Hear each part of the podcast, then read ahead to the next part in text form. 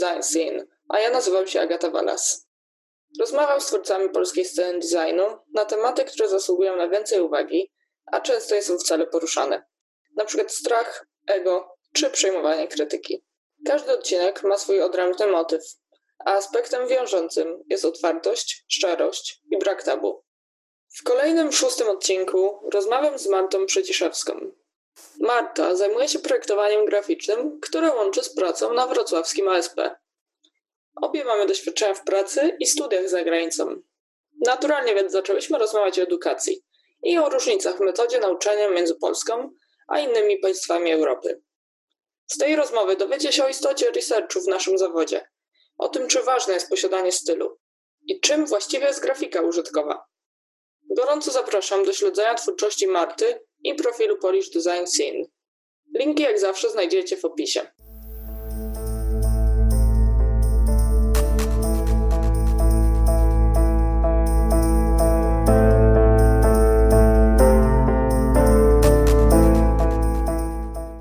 problem systemowy w edukacji w Polsce, on nie jest na etapie studiów, bo ja myślę, że my jesteśmy teraz w ogóle ta struktura i zaczyna się wymieniać, nie? Jakby młodzi wykładowcy się pojawiają, asystenci, którzy wcześniej studiowali za granicą albo pracowali za granicą się pojawiają i oni starają się uczyć tych studentów w takich innych jakby kryteriach niż oni byli uczeni wcześniej, ale mi się wydaje, że ten problem systemowy jest na samym początku edukacji. Uczniowie na przykład nie są przygotowywani do rozwiązywania jakichkolwiek problemów tak samemu. Studenci jakby nie mają świadomości, że jeżeli zadawany jest im jakiś problem, to oni muszą szukać rozwiązania sami, tylko oni czekają, że im zadam, wiesz, to musicie przeczytać rozdział pierwszy w książce takiej, albo musicie sprawdzić tego i tego, tę osobę, nie? Że w ogóle gdzieś tam ten system jest spieszony, nie? Że nie uczy się takiego ogólnego postrzegania wiedzy, że możemy zasięgnąć wiedzę stąd i stąd i połączyć będzie razem. Tak jak o moich studiach, no to właśnie też było tak, że mieliśmy zadanie, trzeba było po prostu to zadanie zrobić i wszyscy mieli takie samo zadanie. Miałam tutaj na przykład ten rok magisterki,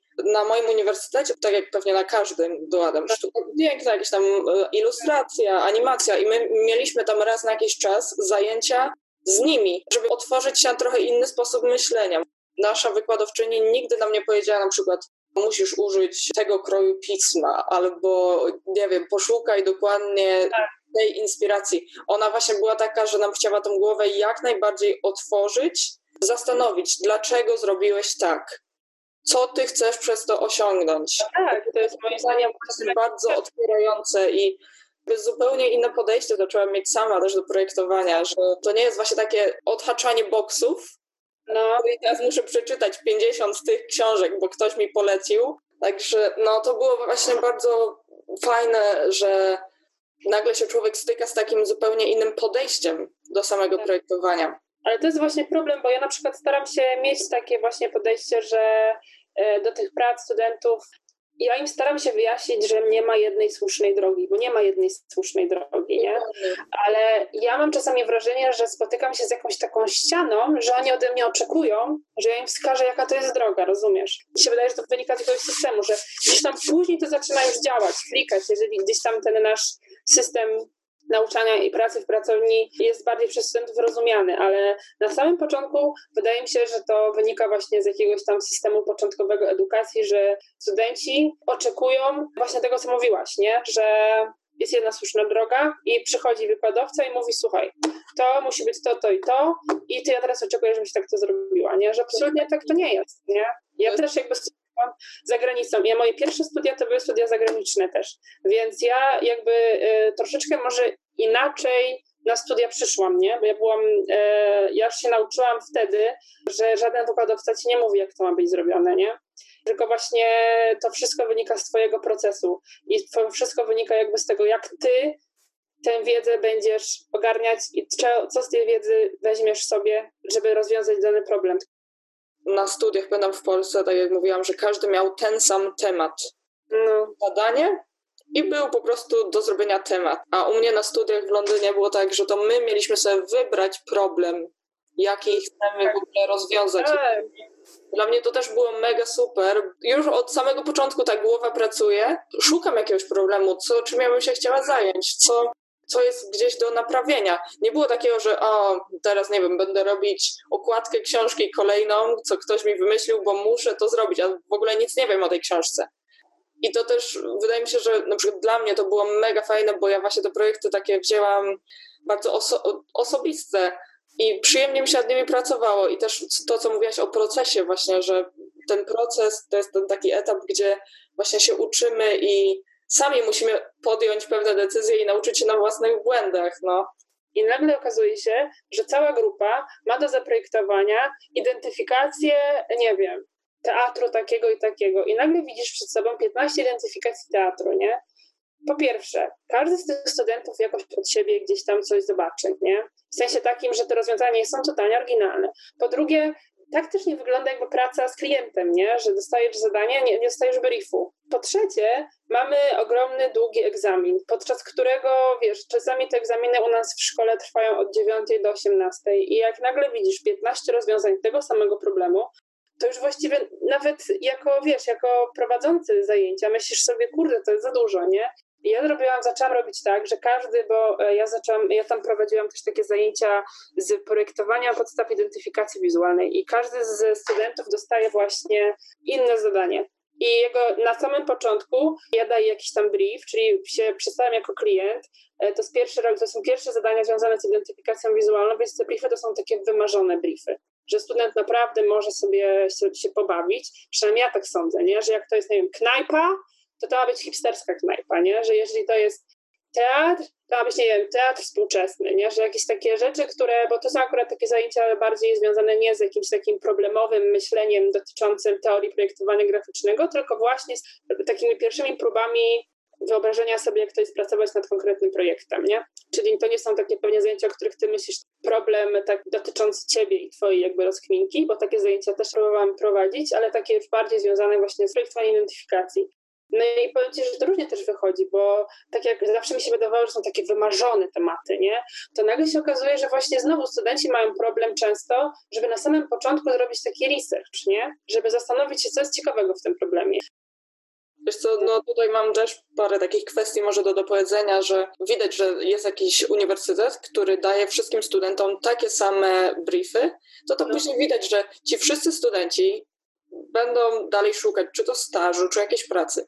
I ja sobie też tak myślę jakby z perspektywy pracodawcy, jeśli on już widzi, nie wiem, 50 czy setne tak. portfolio, które ma te samiutkie projekty, to też nie wygląda chyba dobrze. Dokładnie. Jedna taka kwestia ale właśnie jeszcze to, co mówiłaś o tym, że ktoś na przykład nie potrafi później jakby zabrać się za dany mu temat, to też według mnie jest trochę złe podejście, no bo później w pracy, gdziekolwiek się nie będzie pracować, to nie zawsze będziemy mieć temat, który nam odpowiada albo o którym w ogóle coś wiemy. Każdy właśnie projekt powinno się zaczynać od takiego researchu danego tematu, nie od tego, nie wiem, sprawdzenia konkurencji albo zobaczenia jakichś inspiracji od razu, o, bo już widzę, tak to logo powinno wyglądać i pierwsze co robię, to klikam Pinterest albo Instagram i szukam sobie inspiracji.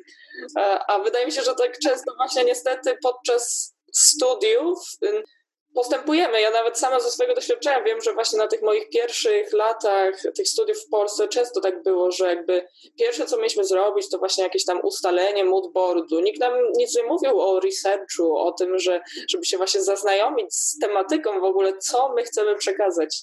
To jest ciekawe, bo ja jak Ci mówiłam o tych studiach w Sztokholmie, o tym, że te, te 4 miesiące wtedy dały mi dużo więcej niż te 3 lata studiów, to ja tam właśnie miałam taki pro, projekt, jak, o jakim chyba ty mówiłaś, taki bardziej e, indywidualny, czyli takie coś, co miałaś w Londynie, coś, co miało jakby z tobą się zmierzyć. I ja wtedy przez to, że zaczęłam w ogóle poznawać jakiś taki świat projektowania graficznego, to e, zdałam sobie sprawę, że projektowanie graficzne jest właśnie troszeczkę tym, o czym ty mówisz teraz, typu ustawianie moodboardu z Pinteresta i na podstawie tego moodboardu rozwiązanie projektowe i zaprojektowanie jakiejś tam grafiki. I mój, mój problem, jakby moj, moje zadanie wtedy w Sztokholmie było jakimś takim rodzajem, e, pamiętam, zrobiłam taką prezentację, która nazywała się Co było pierwsze jako czekura. Czyli zastanowienie się, czy my czasem w dzisiejszych czasach jako projektanci nie zapominamy o projektowaniu graficznym. A nie, skupiamy się na grafice samej w sobie, że my właściwie bierzemy gotowe rozwiązania wizualne, zapominając, że rozwiązania wizualne powinny być wynikową procesu, a nie e, powinny być środkiem formalnym, na który odpowiadamy zawsze tak samo. My zapominamy, że styl formalny to jakby teoretycznie nie powinien istnieć, bo miał, świadczyłby o tym, że my jesteśmy fatalnymi projektantami, bo nie jesteśmy w stanie projektować tylko i wyłącznie bierzemy jakieś gotowe, wiesz, e, rozwiązania, i każdemu klientowi mówimy, słuchajcie, ja wcześniej zrobiłam, nie wiem, projekt z kółko i kwadrata, tutaj też się to przyda, bo ja to umiem robić, rozumiesz, nie? Że zapominam w ogóle projektowanie graficzne, rozmawiając o stylu, nie? A wiesz co, to często wynika z tego, e, że jeśli na przykład działamy w zespole, no to łączymy te różne umysły i wtedy mamy tą burzę mózgów i powstaje jakiś nowy pomysł. Ale ja tak z moich obserwacji nawet widzę, jak ktoś pracuje sam, no to ma taki jednak ten swój styl, który widać, że w każdym projekcie gdzieś tam się przejawia. I czy to są na przykład po prostu bardzo geometryczne jakieś formy, że nagle jeśli on tworzy wszystko geometrycznie, to nawet jeśli y, przyjdzie jakiś klient i może na przykład ten typ biznesu bardziej wymagałby trochę innego podejścia, to i tak będzie rozwiązanie geometryczne. No. No ja to jakby rozumiem, nie? Bo ja też pewnie jakiś mam określony sposób projektowania, ale to też się zastanawiałam. Doszłam mm, do wniosku, że to jest trochę tak jak zaczynasz studia graficzne i masz takie zajęcia e, z rysowania postaci. I właściwie każdy z nas ma ten sam problem przed sobą. Każdy student musi narysować postać, która będzie wiernie oddawać proporcje i będzie jakiś oddawać charakter tej postaci. To jest ten problem projektowy. Narzędzia mamy przecież wszyscy te same, nie? Narzędzia mamy ołówek, mamy tusz, mamy węgiel, ale jakimś cudem któryś z nas nie lubi jakiegoś narzędzia. Ja na przykład bardzo lubiłam u innych taki ekspresyjny sposób rysowania węglem, ale kompletnie tego nie potrafiłam. Ja lubiłam po prostu ciemny ołówek i robiłam taką, wiesz, byłam kobietą linią, nie? że robiłam wszystko linią. Strasznie lubiłam brudu u siebie, nie lubiłam brudnych prac, nie lubiłam w ogóle wszystkiego, nie lubiłam brudnych kolorów, brudnych prac, nie lubiłam, a u innych prac, na innych pracach bardzo mi się ten efekt podobał, ale z kolei ja tego nie lubiłam, nie potrafiłam się tym posługiwać i czasami było tak, że jakby nawet słyszałam korektę, że może coś zrobić bardziej ekspresywnie, ale ja totalnie nie potrafiłam ekspresji, nie potrafiłam gry w ekspresję. Bardzo mi się to podobało. Bardzo na przykład podobały mi się zawsze e, te rysunki Egona Schiele, które były jakieś takie pociągnięte kreską, a jednocześnie takie ekspresywne.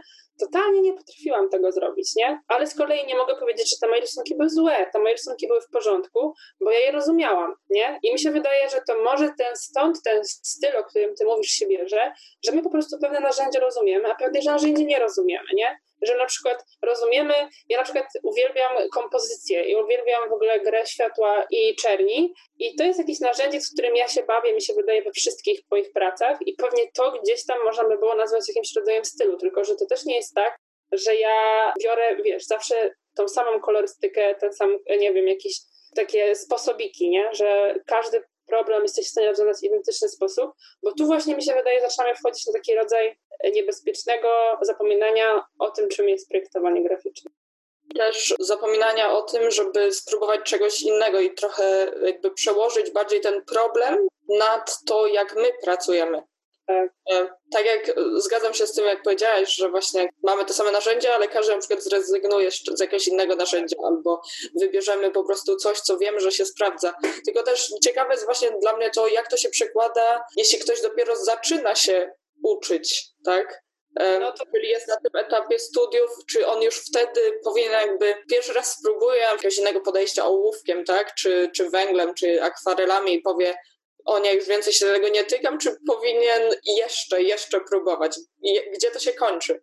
ten styl, o którym rozmawiamy, to mi się wydaje, że to nie jest coś, co my jakby wypracowujemy, tylko to jest coś, co to jest też nawet środek procesu, że może się okazać, w pewnym czasie pracy z ołówkiem pewnie, że mimo wszystko sięgniemy po, akware, po akwarelę, której kompletnie rozmyliśmy i nagle się okaże, że zacznie działać. A dlatego, że my, nie wiem, posiedliśmy już jakiś taki rodzaj umiejętności pracy w ogóle z kartką papieru, że ta kartka papieru i ta akwarela zaczyna nagle nam gdzieś tam e, grać i myślę, że, że na tym to polega, ale też mi się wydaje a propos tej edukacji i stylu na początku wyrabiania się stylu przez studentów, to mi się wydaje, że tutaj jest troszeczkę problem e, znowu po stronie uczelni, żeby cały czas jakby skupiać się na procesach, a nie na wynikowych tych procesów. Ostatnio właśnie rozmawiałam też z moją koleżanką tutaj i ona też powiedziała taką ciekawą rzecz, że nie chodzi o to właśnie, żeby tylko zamknąć ten projekt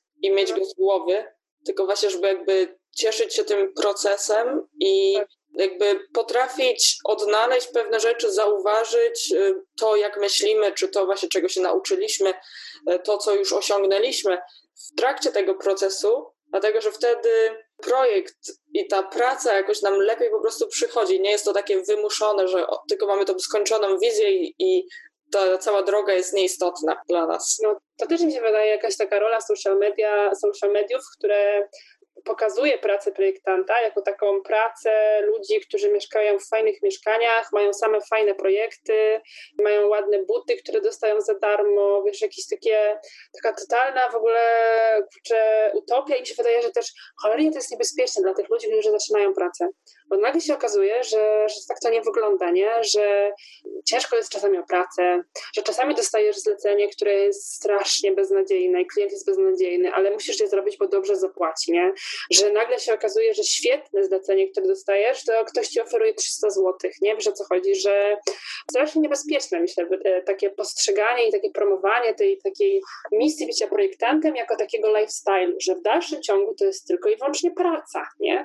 Że to jest jakaś super praca, bo ona często jest świetna, często jest bardzo satysfakcjonująca, często jest męcząca, często jest bardzo samotna ta praca, nie? No bo jednak właściwie wszystko to, co robisz, to jesteś ty komputer, nie? Albo ty jakieś narzędzia na, na, na, na, na stole, plus jeszcze krytyka każdego innego dookoła, plus jeszcze to, że to jest efekt, efektem jest coś, co jest wizualne i co każdy widzi, więc każdy się postrzega jako specjalista w zakresie logo, nie? Nagle, jeżeli coś zrobisz, to nie tylko grafik, projektant ci powie, że to logo jest dobre albo słabe, tylko nagle, kurde, każdy twój kolega, każdy kolega kolegi, plus jeszcze w ogóle całe miasto i najlepiej cały kraj, jeżeli to jest jakieś logo, które wypłynie, ma jakąś taką misję, żeby powiedzieć, jest to do dupy, nie?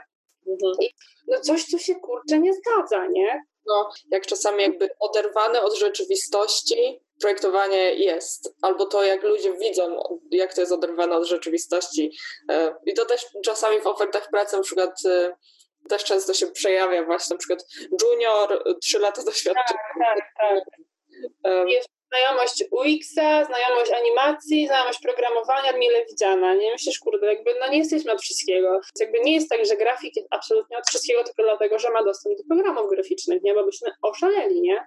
mechanik zajmuje się autami, a nie kurczę jeszcze samolotami, wiesz, statkami, wszystkim, co ma silniki, nie? Że to troszeczkę czasami w ogóle postrzeganie grafika jako takiej osoby, która ma taką łatwą, przyjemną pracę, bo on właściwie to, on chyba tylko właściwie rysuje, albo ma dostęp do Photoshopa, więc nie wiem, usunie komuś pryszcza z twarzy, nie? Więc jakby takie, e, takie postrzeganie tego grafika jako takiej osoby, która ma taką pracę, która jest taka totalnie łatwa, no, co sprawia, że nasze rezultaty naszej pracy są komentowane albo krytykowane w taki totalnie łatwy sposób, na zasadzie, że to się komuś podoba lub nie podoba, nie? Że to nie jest tak, że nie wiem, idziesz naprawić koło w samochodzie i mówisz, że nie dyskutujesz z mechanikiem, nie mówisz, nie, mógł, mógł pan inaczej to zrobić, nie? Tylko jest wymienione, jest zrobione. A u nas to nie, nie? Że u nas kurczę, yy, a może byś to tak zrobiła, a może byśmy coś tam rozsypali, a może byśmy dodali coś jeszcze. Myślisz, kurde, ja to widzę tak, jakby to jest mój efekt mojej pracy. Poświęciłam temu, jakby mam doświadczenie i wiem, że to jest ok, ale jakby w kryterium ok w naszej pracy jest jakieś takie totalnie nieosiągalne. Wydaje mi się, że ludzie, którzy nie są grafikami albo którzy nie mają takiej świadomości projektowania, właśnie nie mają tego kryterium ok w stosunku do naszej pracy, nie? Że na przykład jeżeli jesz bułkę, to ona jest ok, ale jeżeli na przykład praca, coś by można było dodać, to nie, to nie ma kryterium ok, że jest zrobione, tylko kurde, coś jeszcze, może coś wymienię, może coś myślisz, kurde, jakby... To wynika stąd, że to jest taka bardzo specyficzna, um, wizualna tak. sfera, gdzie każdy czuje się, że ma wiedzę i, tak. i musi tą opinią tak. się podzielić, choć według mnie jest y, często błędne, dlatego że możesz mieć opinię, ale jakby patrzymy na wszystko, teraz mówię jakby tutaj o takiej pracy z klientem, że ten klient nie patrzy wtedy, co jakby jego biznes na przykład może z tego wynieść, czy jak to wpłynie na jego biznes, tylko jakby swoją wizję nad to przekłada. Chociaż z drugiej strony, na przykład ja, jak byłam na stażu w Holandii, to pamiętam, że y, najważniejsza rzecz, jakiej nauczyłam się od mojej tam właśnie dyrektor kreatywnej, to było to, że klient ma zawsze rację. Bo klient ma zawsze rację i to jakby zawsze będę e, podkreślać, że faktycznie jest tak, że klient ma rację, bo klient zna ten biznes od podszewki. A my znamy go na zasadzie, że sobie przeczytamy, nie? Y, na Wikipedii albo na stronie internetowej, co i jak, co i jak, ale tylko, że to też jest inna sprawa, że praca z, z klientem holenderskim, a praca z klientem polskim się różni, bo tam jest jednak świadomość tego, że projektant jest jakimś rodzaju specjalistą i ma jakiegoś rodzaju wiedzę, której klient nie posiada. I klient jeżeli jest to właśnie spotkanie z klientem, to tam jest jakiś taki rodzaj e, takiej, wiesz, takiego zaufania, że klient przychodzi do grafika, projektanta żeby nie mieć problemu, rozumiesz? On oddaje swój, ten swój problem, czyli zaprojektowanie identyfikacji, znaku, publikacji, bo on tego nie potrafi zrobić, ale jednocześnie właśnie grafik z kolei do, do, do tego klienta ma jakiś taki rodzaj takiego wsłuchania się w ten problem, nie? Rozumiesz, że on po prostu faktycznie klient ma rację, on chce tego, ja to spróbuję przetłumaczyć na ten mój język graficzny, który ja rozumiem, e, to, co on do mnie mówi, nie? Tutaj każdy jest tak strasznie nastawiony, właśnie grafik i, i klient, tak są strasznie zaciekle bronią tej takiej swojej idei posiadania racji, nie? Że ja wiem wszystko, ale ja też wiem wszystko, nie? Że jak na przykład klient ci powie, że coś jest nie tak, to ty mówisz, klient jest głupi, nie? Bo ja przecież mogę mu to zaproponować i to będzie takie świetne, to będzie tak świetnie wyglądać na Behance, nie? Jest takie, takie kryterium yy, i w stosunku do klienta, i w stosunku do klientów klienta, bo klient tego nie zrozumie, nie? Że graficy na przykład e, mówią, e, bo boją się coś pokazać, bo klient tego nie zrozumie, z kolei klienci boją się jakieś rozwiązanie przyjąć, bo boją się, że ich klienci tego nie skumają. I takie cały czas traktowanie ludzi jak takich idiotów, nie? Że nie, nie, to musi być tak, bo klient tego nie zrozumie. Myślisz, kurde, ile możemy w ogóle myśleć o tym, że ktoś czegoś nie zrozumie, nie? Ile będzie ludzi, którzy to skumają? Albo przecież to nie jest taka rzecz, wizualna sprawa, wizualne projektowanie graficzne, to nie jest, nie wiem, teoria fizyki kwantowej, nie? Że to albo rozumiesz, albo tego nie rozumiesz, tylko na to patrzysz, nie? Tylko to przyswajasz to, nie? Że to jest jakiś rodzaj korelacji y, kolorów z typografią, nie wiem, z układem, z ilustracją, który może ci się podobać, może ci się nie podobać, ale to nie jest coś, co ty musisz rozumieć, nie? To nie jest jakby sztuka w ogóle sama w sobie, to też nie jest czymś, co rozumiesz, tylko to jakby gdzieś tam wpływa bardziej na ten obszar emocji i to jest właśnie ten obszar, który, o który się powinniśmy martwić jako klienci, jako, y, jako projektanci, żeby oddziaływać na emocje, a nie żeby próbować przekazać jakiś rodzaj rozumienia, nie? że gdzieś to się w ogóle y, gubi, ten taki właśnie ta, ta waga i taka siła emocji w projektowaniu graficznym, nie? że to jest to, co my powinniśmy w ogóle projektować. Tak, tak, tu się bar bardzo muszę zgodzić z Tobą, wszystkim chyba, co powiedziałaś. Jak, też się tak nie zastanawiałam wcześniej, ale miałam kiedyś taką przyjemność właśnie pracować e, z polskimi klientami. No i to niestety właśnie to były takie doświadczenia, gdzie można by się czuć, że, że ten projektant jest bardziej taką rączką, która wykonuje tylko coś, a na przykład te moje bardziej takie ostatnie doświadczenia, to e, klient, tak jak powiedziałeś, że ten klient ma większe jednak zaufanie z moich doświadczeń. Ten klient, czy to e, tutaj w Anglii, czy też miałam ostatnio parę takich klientów zagranicznych z Europy i też e, ten klient po prostu jakby ma zaufanie w to, co ty zrobisz, ale też nie wiem, czy to może nie wynika właśnie już wcześniej jakby ze sposobu pracy to tylko mogę mówić jakby właśnie o swoim przykładzie, że kiedyś na przykład jak pracowałam, to pracowałam w taki sposób, że um, tego klienta nie angażowałam wcześniej tak jak mogłam. No.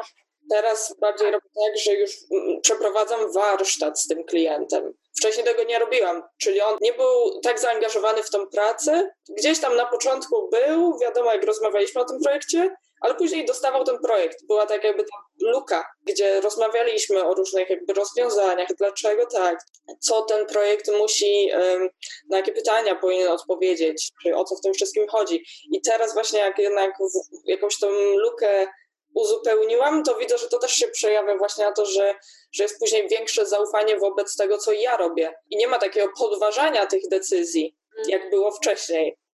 No nie, no bo to ja w ogóle mam bardzo dużo takich właśnie e, pretensji do projektantów, do sposobu pracy z klientem. Na przykład nie znoszę do wszystkich takich fanpage, gdzie po prostu jest jazda na klientów, że oni czegoś nie skumali, że oni chcą logo większe. Do cholery, to są ich pieniądze, nie?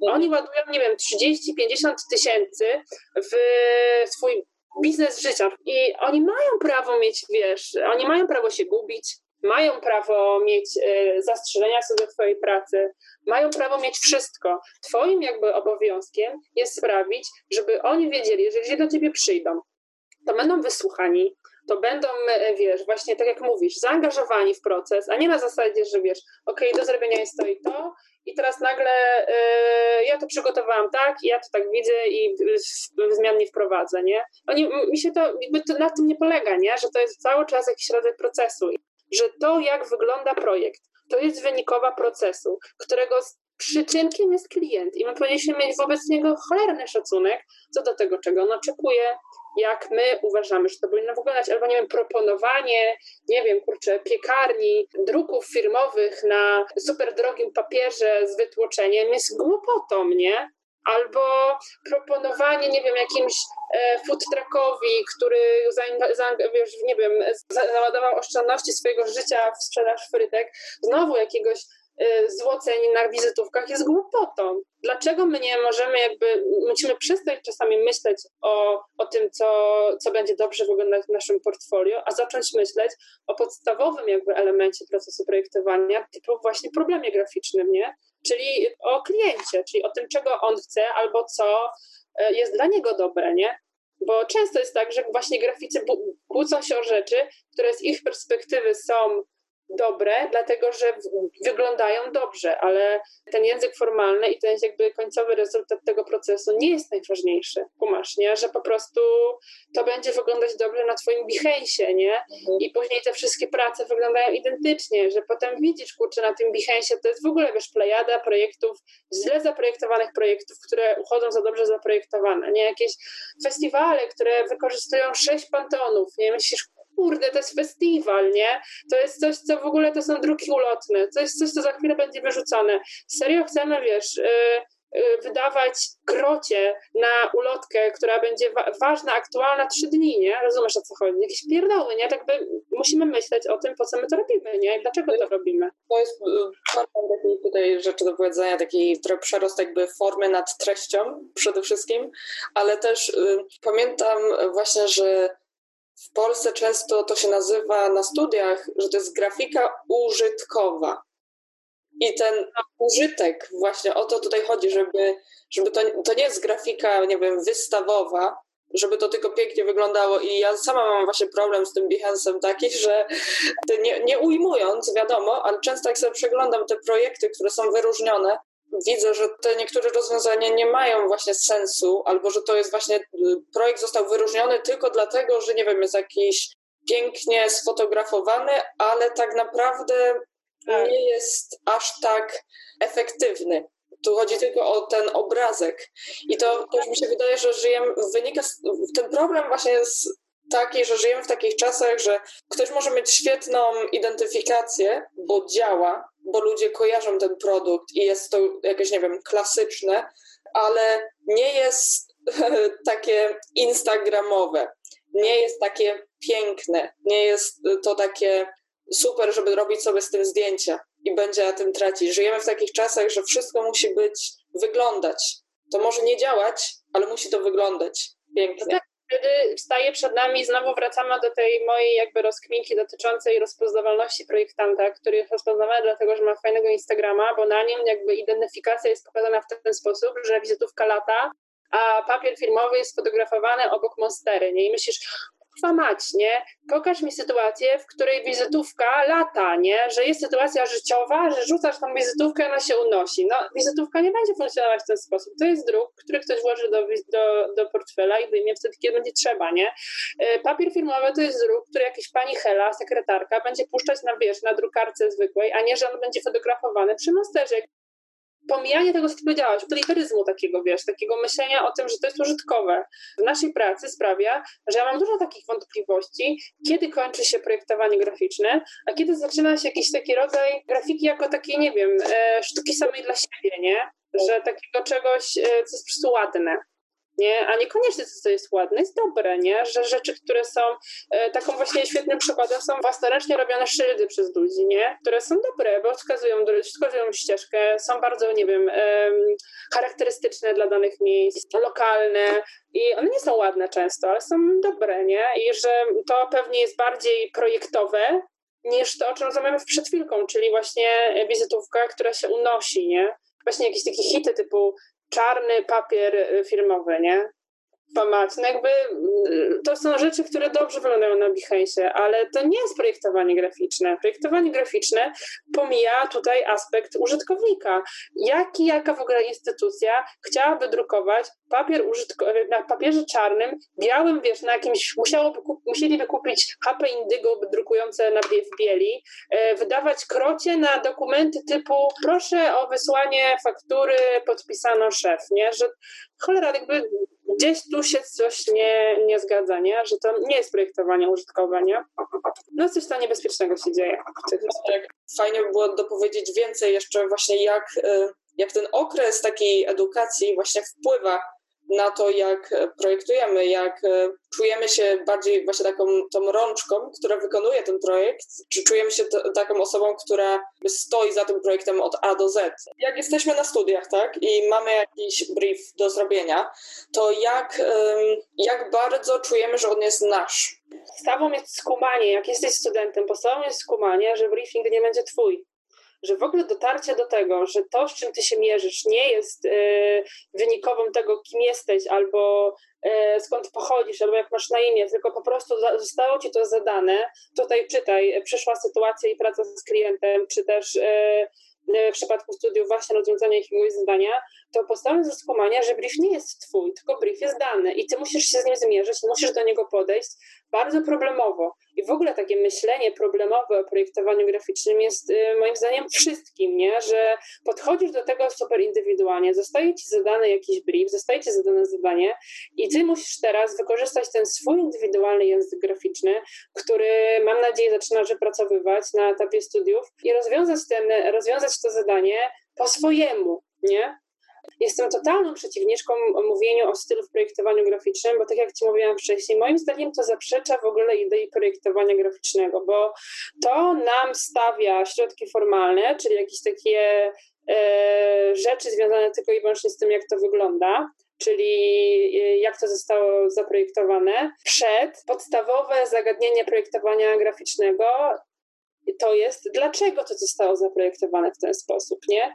I mi się wydaje, że nie, nie powinniśmy dążyć ku czemuś takiemu jak styl w projektowaniu graficznym. Mówię teraz o projektowaniu graficznym, bo czymś innym pewnie jest y, y, ilustracja, nie? Która jest jakimś takim czysto wizualnym y, storytellingiem, czymś takim, co ma opowiadać historię i y, ta nasza ręka jest tam super ważna, ale jeżeli chodzi o projektowanie graficzne, to nie powinniśmy do tego stylu dążyć, bo to sprawiałoby albo sprawia, że będziemy podchodzić do projektów w odwrotnej kolejności, nie? Czyli będziemy myśleć o tym, najpierw będziemy mieli gotowe, gotowe narzędzia i gotowe rozwiązania graficzne, a dopiero potem będziemy się zastanawiać, jak ich użyć, żeby odpowiedzieć na to zadanie, nie? Jak, nie wiem, e, lubimy jakiś krój pisma, jak zrobić coś z tym krojem pisma tak, żeby on pasował do tego projektu. Oczywiście ja jakoś jestem, staram się być jakąś taką przeciwniczką czegoś takiego jak styl w projektowaniu graficznym, bo to nam e, odwraca proporcje, które moim zdaniem są super ważne tego takiego procesu projektowania graficznego, nie? że sądzę, że styl nie jest tym, co my zaczynamy sobie wypracowywać, tylko to jest coś, co się pojawia może w naszych pracach, bo zaczynamy się lepiej z jednymi narzędziami rozumieć, tak jak na przykład ja z ołówkiem na zajęciach, a z innymi się nie dogadujemy, nie? Takie na przykład moje prace pewnie nigdy nie będą super ekspresyjne, ale jeżeli będą musiały, bo problem będzie na to odpowiadał, będzie jakby tego żądał, żeby, żeby te prace były ekspresyjne, to pewnie swoimi środkami tą ekspresję gdzieś tam wykaże, nie? Ale to nie będzie pewnie ekspresja na zasadzie mazania e, węglem na okładce książki, tylko ekspresja, którą ja będę swoim jakimś tam indywidualnym językiem próbowała zbudować, nie? Z tym stylem myślę też, że jest tak, żeby to kontrolować, bo mamy, tak jak wcześniej mówiliśmy, pewne takie upodobania pewnie, że po prostu nam to przychodzi łatwiej, ale też jakby widzę po sobie samej, że jest tak, że jeśli już zrobimy kilka projektów, to już chcemy też spróbować czegoś nowego, trochę eksperymentujemy, szukamy jakichś właśnie innych rozwiązań. I wydaje mi się, że właśnie o to tutaj chodzi, żeby nie dać się temu stylowi zdominować, żeby styl zdominował nam projekt. Tak. To, to jest super ważne, co powiedziałaś, nie? że po prostu myślenie o tym naszym stylu, znowu w cudzysłowie, przed problemem, czyli właśnie przed projektem, sprawi, że właściwie z tego naszego problemu nic nie zostanie, nie? Tylko zostaniemy my sami tam, nie? A nie o to chodzi, sądzę, w projektowaniu graficznym, takim nastawionym na użytkowość, żebyśmy my sami siebie pokazywali, nie? Tylko, że najważniejsze skrzypce powinien grać czy to klient, czy to jakaś książka, czy to autor książki, e, czy to treść tej książki, że my powinniśmy zawsze pamiętać, że my jesteśmy tylko jakimś takim rodzajem tłumacza jakiegoś zagadnienia, które nie jest wizualne, na ten język wizualny właśnie.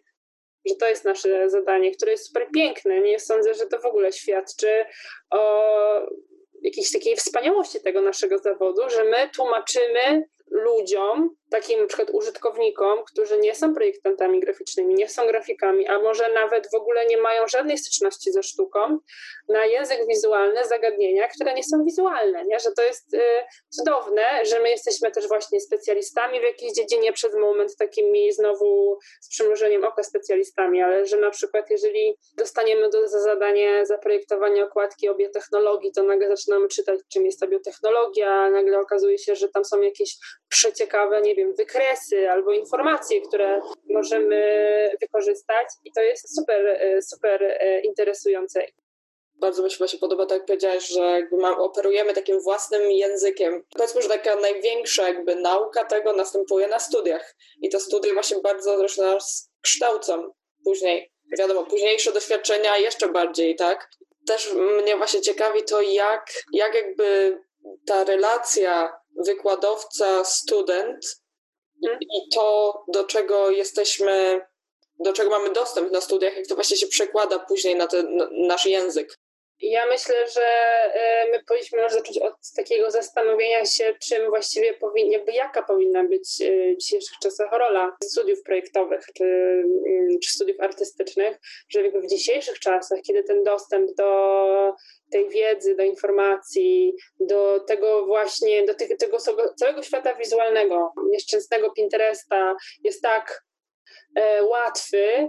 Myślę, że ta taka rola student, wykładowca na zasadzie mentor i student, który ma iść w jego ślady, albo który czeka, że, że wykładowca mu powie, tędy jest super droga, jest trochę niesłuszna, nie? że jakby nie, nie trafiona i nie, niewczesna. W każdym razie myślę, że e, wykładowca powinien bardziej mieć rolę jakiegoś takiego GPS-a, który pokazuje trzy drogi szybszą, wiesz o co chodzi, szybsza, płatna i nie wiem, i y, dłuższa, ale ładniejsza. W każdym razie jakiś taki rodzaj drogowskazu, że wykładowca ma dostęp do wiedzy, której student na samym początku nie posiada. I teraz mówię o jakiejś takiej teorii projektowania, o zasadach, o tym, że jeżeli jest data, jest odstęp czasu, e, to nie używamy dywizu, tylko właśnie używamy pauzy albo półpauzy. Jakieś takie zasady, na przykład typograficzne, e, czy nie tylko typograficzne, które są e,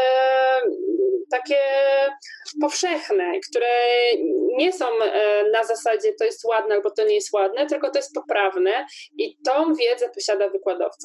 I mi się wydaje, że to jest niezbędne, żeby tą wiedzę wykładowca studentom e, przekazywał że na przykład jest coś takiego jak dobry skład typograficzny i zły skład typograficzny, e, że jest coś takiego jak, e, nie wiem, dobre światła międzyliterowe i niedobre światła międzyliterowe.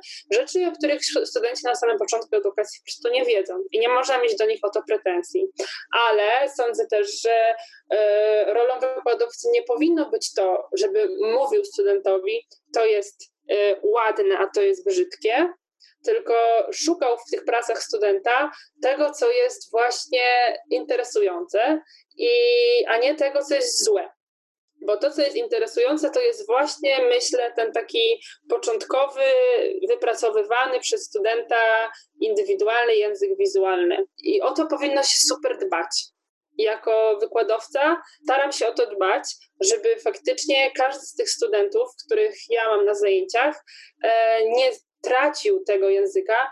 I to, to, to, to się czasami dzieje z upływem czasu, niestety, że to, co się dzieje na samym początku studiów, gdzie ci studenci przychodzą i nie mają pojęcia o czymś takiego, że jest właśnie, że elementem ich praktyki projektowej może być skład typograficzny, nie? że dla nich to jest w ogóle, kurczę, totalny mindfuck, że w ogóle jest coś takiego jak zagadnienie typografii, nie? I że, e, że oni muszą się tym zajmować, przecież jak to, przyszliśmy na studia, będziemy rysować, nie? Wiesz, jakieś takie będziemy się zajmować komiksami, a tutaj nagle się okazuje, że jest takie dosyć poważne, że nagle są jakieś teoretyczne rzeczy, że jest w ogóle historia projektowania graficznego, że w niej są nazwiska, że, że, że to też jest jakiś rodzaj wiedzy.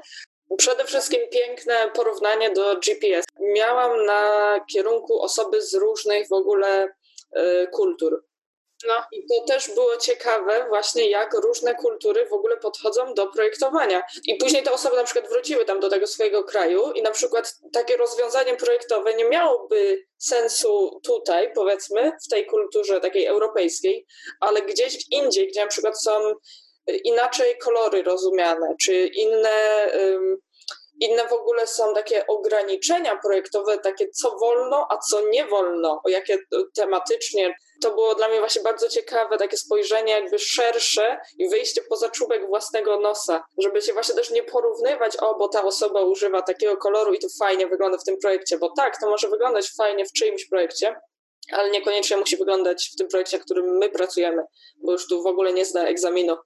Ale też taka rzecz, do której właśnie bym chciała nawiązać, od ty skończyłaś swoją wypowiedź na tym, że ja tak przynajmniej to zrozumiałam, że osoby, które przychodzą na studia są właśnie takie bardzo artystyczne i twórcze i później mam wrażenie, że często jest tak, że się zamykamy właśnie w tym takim boksie, bo już się nauczyliśmy tych podstaw i tak jakby boimy się tych coś wyjść poza te reguły. Boimy tak. się spróbować czegoś.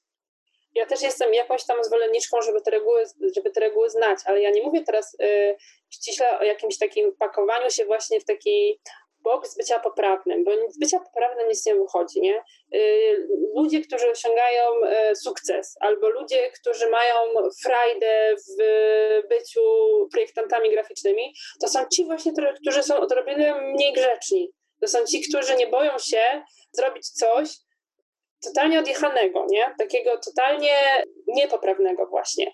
Ważne jest to, żeby te zasady znać. Żeby wiedzieć, że coś takiego jak brzegi w tekście występują i żeby ich unikać. Żeby znać te zasady, że już faktycznie je znamy i zaczynamy je dosyć świadomie łamać, to wtedy zaczyna się dziać magia, nie? Że wtedy zaczyna się jakaś taka wartość dodana pojawiać w tych naszych pracach, kiedy one przestają być poprawne.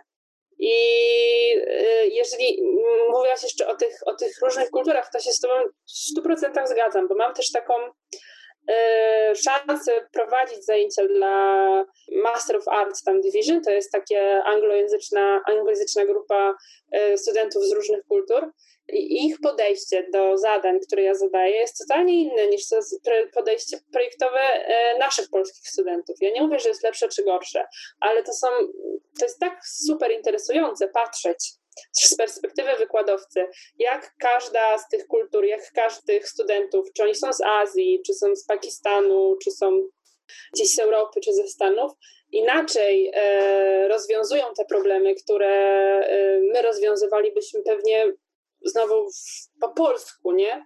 To to jest super inspirujące i to też jest taka dla mnie y, świetna nauka, y, bo to też nie jest tak, że ja idąc na zajęcia się niczego nie uczę, bo ja uwielbiam te zajęcia ze studentami, bo dla mnie to jest taka jakaś wzajemna wymiana myśli i rozwiązań potencjalnych dojść do problemu taka różnorodność języków wizualnych. To jest coś, co powinniśmy na to chuchać i dmuchać, bo w dzisiejszych czasach, kiedy ta unifikacja języka graficznego jest tak daleko posunięta, że nie jesteśmy w stanie powiedzieć, czy praca powstała, wiesz, praca powstała na Ukrainie, czy praca powstała w Holandii, czy praca powstała y, w Nowym Jorku, czy w Atenach, że wszystko wygląda identycznie.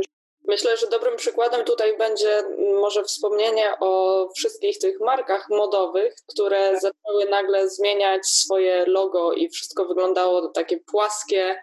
Wszystkie firmy nagle miały zrobione logo w tym samym stylu. To chyba w zeszłym roku czy dwa lata temu się tak zaczęło mocno dziać.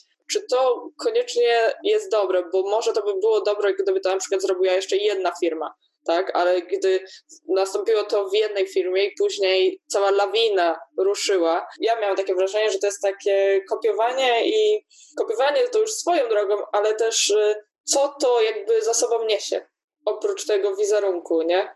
Mamy kilka firm, wszystkie sprzedają produkty, y, ubrania. Każda wygląda tak samo. I one jakby zaprzepaściły to swoje dziedzictwo, które gdzieś tam miały wcześniej. To niektóre to były firmy, które 100 czy 200 lat na przykład już były na rynku. I po prostu były tylko literki równo napisane. No, no, no ja wiem, chyba y, masz na myśli pewnie Berbery. Tam tak, i... tak, między innymi. Tam było kilka jeszcze innych marek, które też poszły tym tak. krokiem. Ale to też jest taki jakiś, właśnie sądzę, taki jakiś, takie poruszenie, taka co nazwać, taka, jest, żyjemy w epoce logo, nie? Że wydaje się, że jeżeli zmienimy logo, to zmienimy całą, e, cały odbiór naszej marki, że jeżeli, tak jak w przypadku Berbery, z tych takich szerfowych, klasycznych liter, gdzie marka była, jest utożsamiana z trochę taką sztywną, dyńską modą e, na wyścigach konnych e, z kratką, e, gdzie cała ta historia tej marki jest też super ciekawa, myślę. Oni zmienili to logo na takie współczesne i ten język taki też współczesny. To trochę tak nie działa, że jeżeli zmienimy znak firmowy, to nagle zaprzepaścimy albo zmienimy kompletnie odbiór marki. To też w ogóle takie szukanie w logo, w znaku takiego złotego grala, że jeżeli cokolwiek się stanie z logo, to nagle nam się firma roz, rozwinie i zostaniemy nagle jakimiś potentatami przy to, nie wiem, rynku kaflekarskiego, czy właśnie projektowania e, płaszczy przeciwdeszczowych, jest dosyć błędny, nie? ale to też wynika chyba z tego, o czym rozmawialiśmy wcześniej, czyli tego postrzegania naszego zawodu jak, jako takiej e, pracy, którą wszyscy starają się zrozumieć i wszyscy, którą wszyscy, o której wszyscy są w stanie się powiedzieć. Bo ja też na przykład, jeżeli chodzi o te takie mo, mo, modowe sytuacje, pamiętam nie tak dawną kampanię Gucci, ona dotyczyła jakiegoś pięciolecia czegoś. I ta, ta kampania wyglądała w ten sposób, że logo Gucci było zapisane przez pięciolatka. Czyli było, pamiętasz coś takiego? Chyba kojarzę.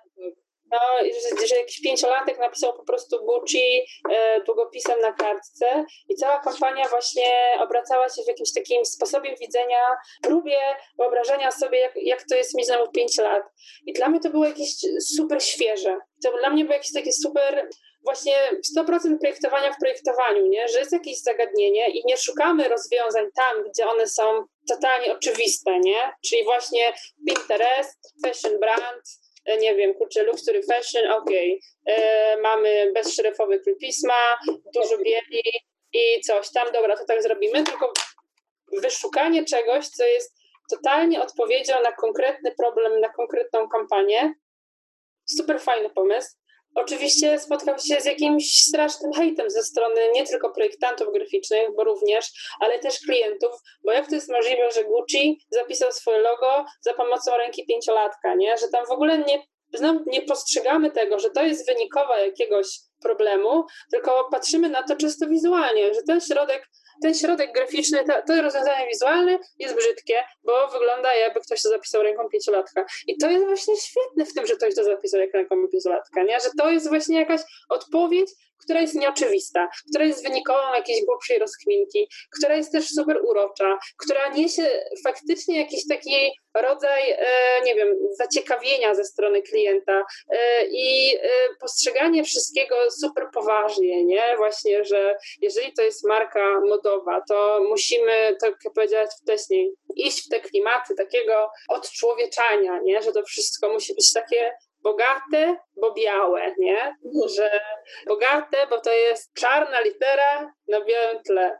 I to sprawia, że my gdzieś tam zaczynamy się kupić, nie? Że jako marka po pierwsze przestajemy być super zauważalni, a jako projektanci znowu sądzę, że zaczynamy pomijać ten cały proces projektowania nie? i zastanawiania się, co jest właściwie ważne w tej marce.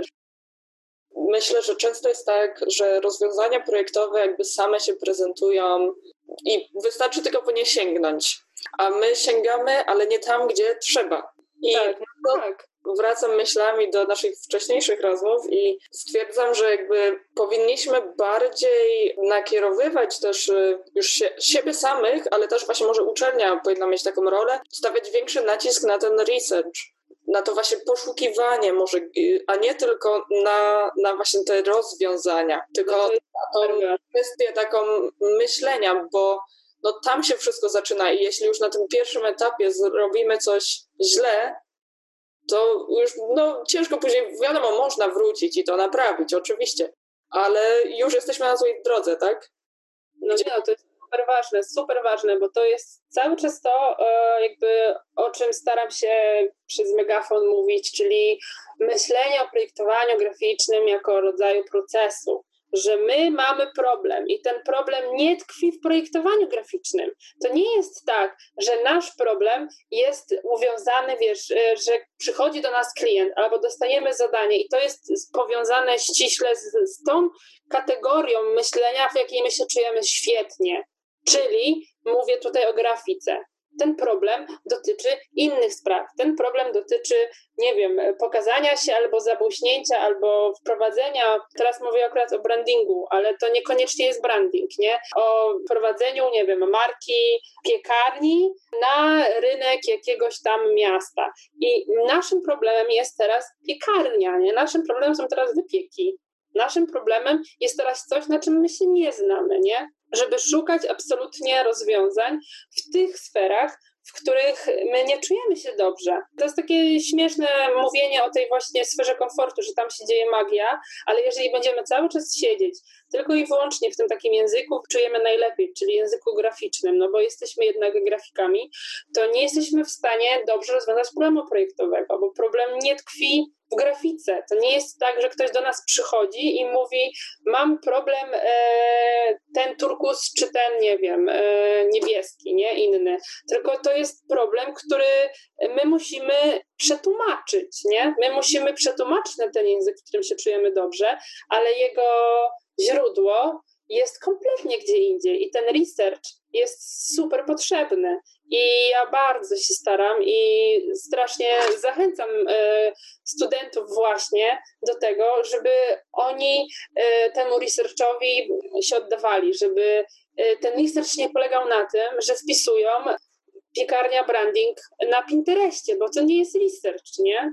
Żeby absolutnie nie szukali rozwiązań ściśle wizualnych. Ja naprawdę nie, nie, nie, nie postrzegam tego w kategoriach ani czegoś ciekawego, ani czegoś, co mnie interesuje, ani czegoś, co jest dobrym pomysłem, żeby jeżeli mamy za zadanie zaprojektować coś, nie wiem, dla kina, to my nie wyszukujmy na Pinterestie kino, nie wiem, cinema branding, cinema festival, bo to nie jest tędy droga, nie?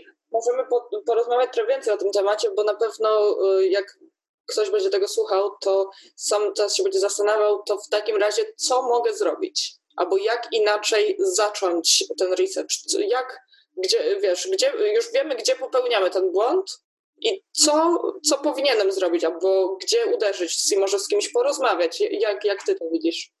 Ja myślę, że podstawą jest zrozumienie sensu naszej pracy, czyli tego, że ja już nie chcę, nie chcę być nudna, ale że my jesteśmy właśnie rodzajem tłumacza, nie? Że my jesteśmy rodzajem tłumacza na język wizualny pewnego jakiegoś zagadnienia. I że podstawą jest zrozumienie, że dojście do rozwiązania, czyli dojście do przetłumaczenia tego naszego zagadnienia jest jakimś e, rodzaju ścieżką, drogą, procesem. I że my musimy najpierw to, to zagadnienie zrozumieć, postarać się zastanowić, z czym się w ogóle mierzymy. No jak rozmawialiśmy na przykład o tej piekarni, jak zaczęłaś ten temat piekarni i zamiast wyszukiwania w internecie, co taki student może zrobić? Piekarnia w każdym mieście się znajduje, jak on by mógł do tego podejść?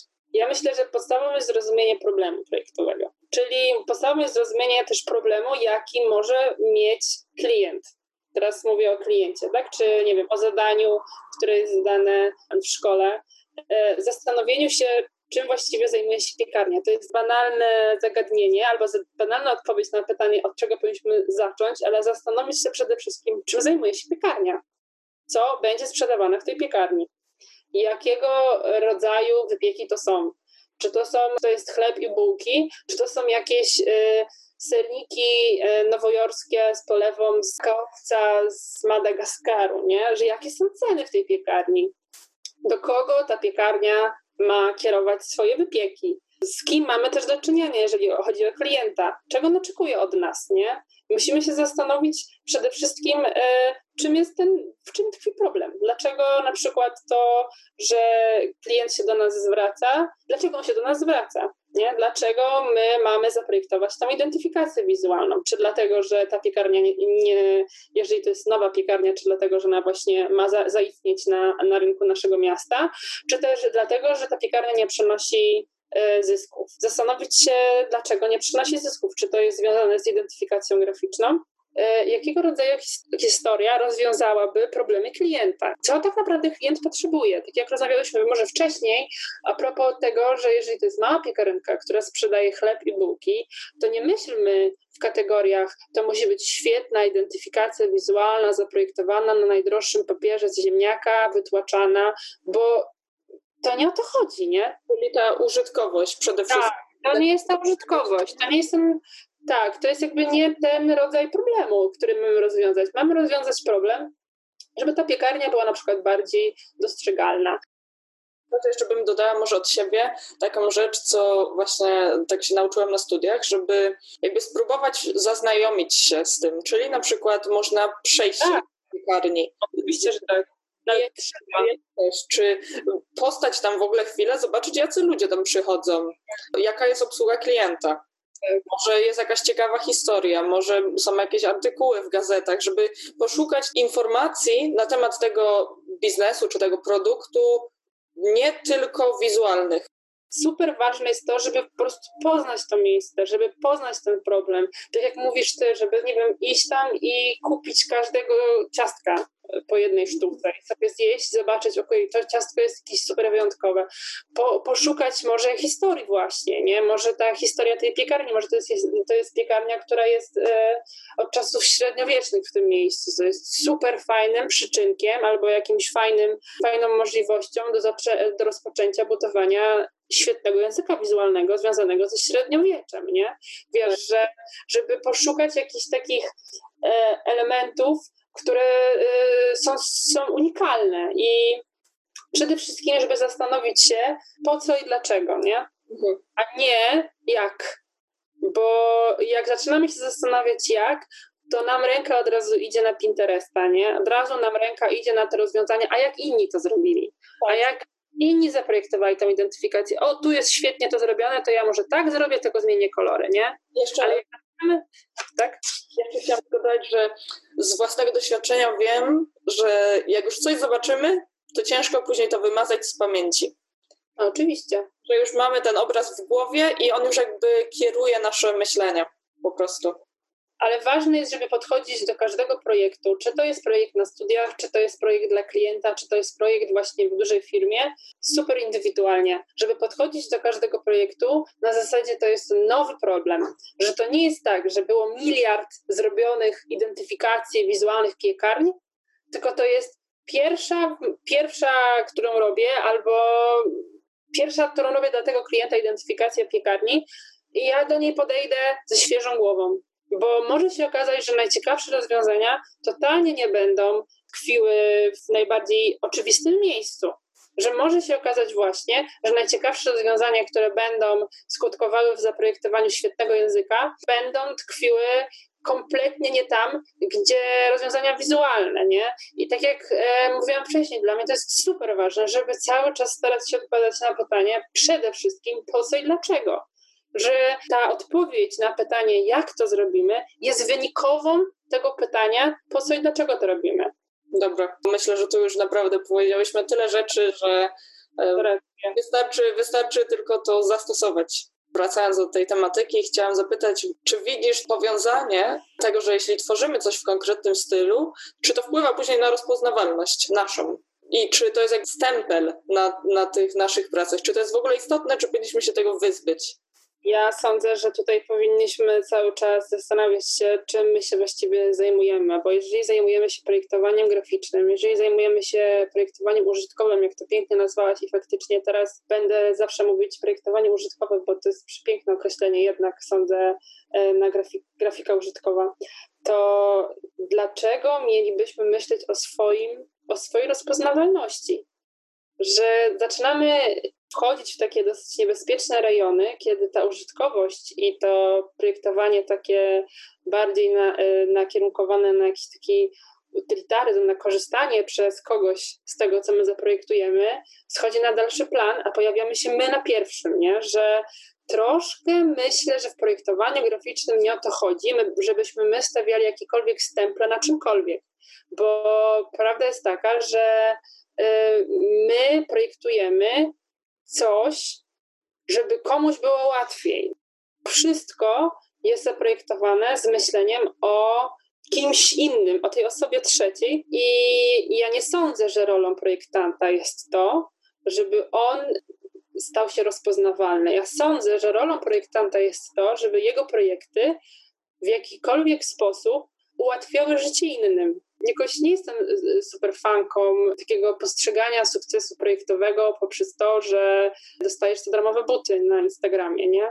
Myślę, że dużo większym sukcesem projektowym jest to, po pierwsze, że jesteś w stanie się utrzymać, bo jednak to jest praca przede wszystkim, a nie lifestyle, a po drugie, że ten klient jest zadowolony, że nikt jakby nie ma problemów z przeczytaniem tej książki, którą składasz, że to jest e, sukces projektowy, bo my jesteśmy troszeczkę, mamy tą taką pracę odrobinę misyjną, nie? Taką e, to jest gdzieś na granicy takiego artyzmu i ten artyzm jest tą właśnie wartością dodaną, która może sprawiać, że my będziemy się jakoś wyróżniać na tle innych projektantów, ale sądzę, że w naszym projektowaniu, projektowaniu użytkowym ta użytkowość powinna grać pierwszą rolę jednak.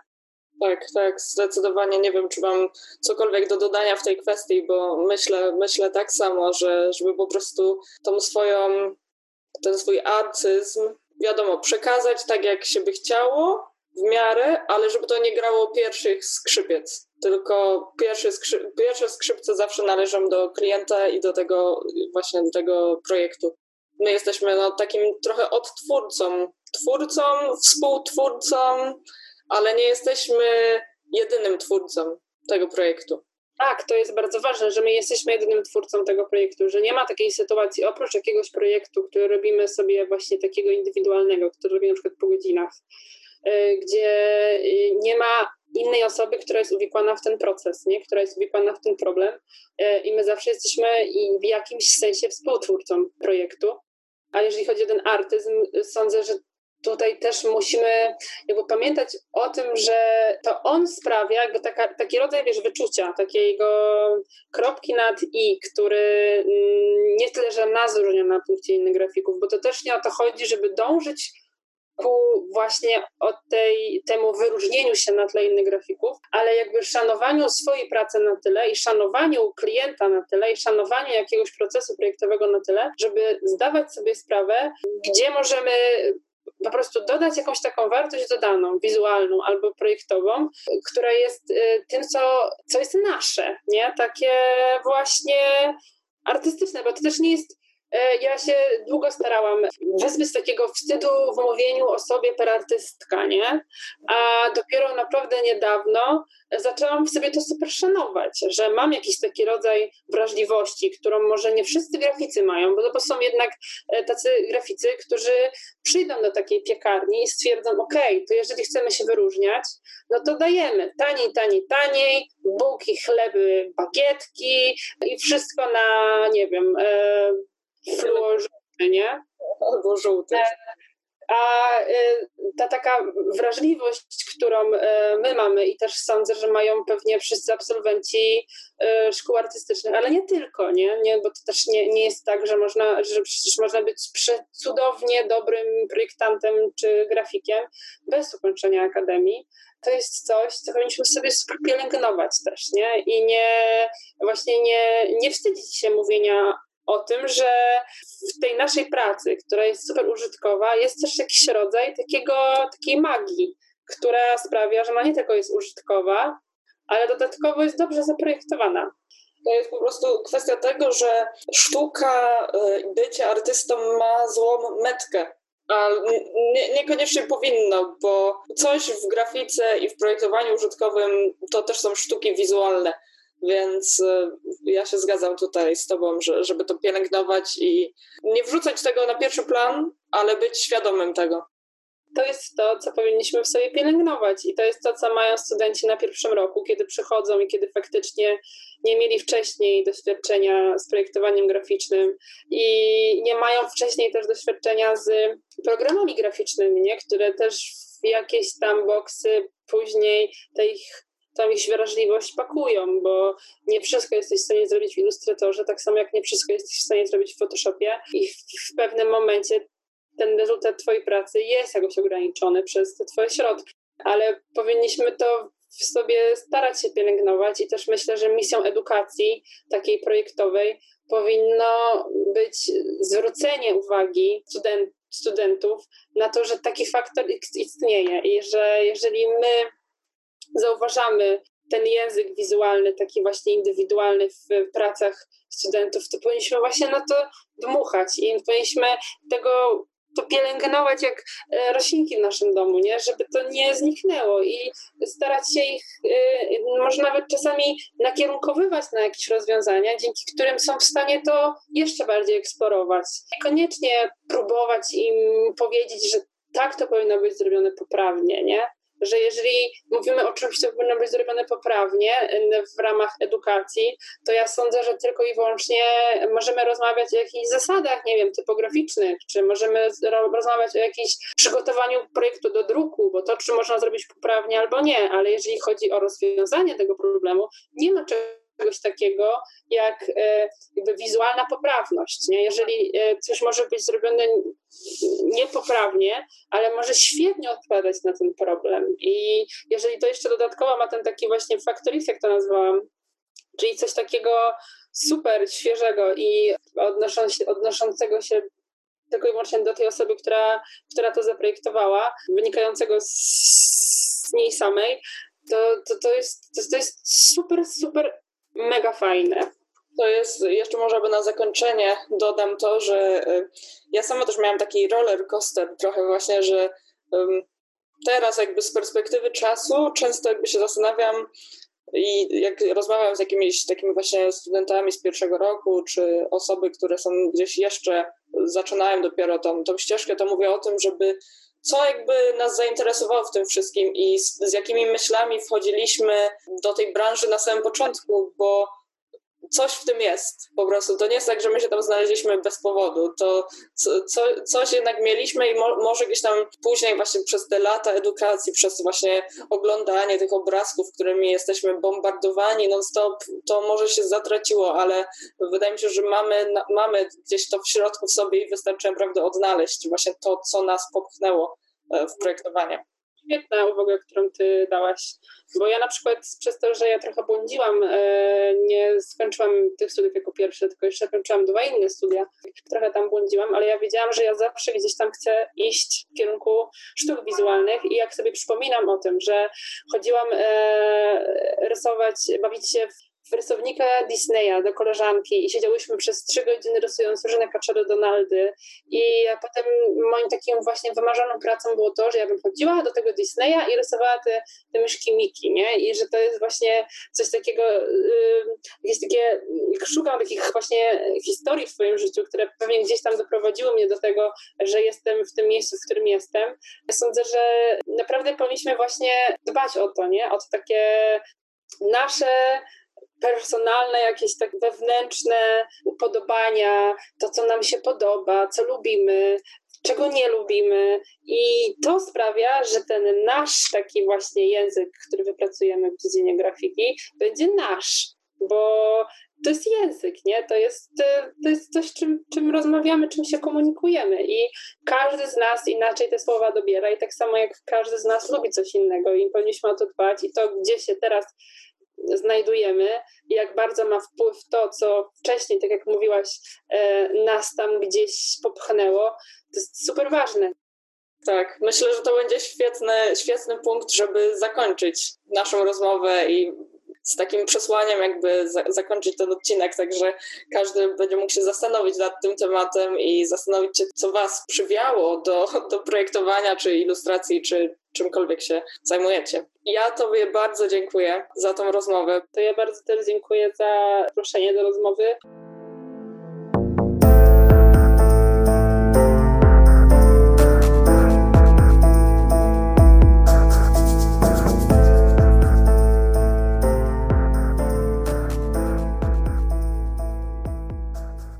Gościem tego odcinka była Marta Przyciszewska. Zachęcam do obserwowania kanału Polish Design Scene oraz do śledzenia Marty na Instagramie. Jeśli ten odcinek Wam się podobał, piszcie, tagujcie i podsyłajcie zdjęcia na Instagramie. To zawsze napędza mnie do pracy i daje motywację na kolejne odcinki. Na dziś to tyle. Do usłyszenia za dwa tygodnie.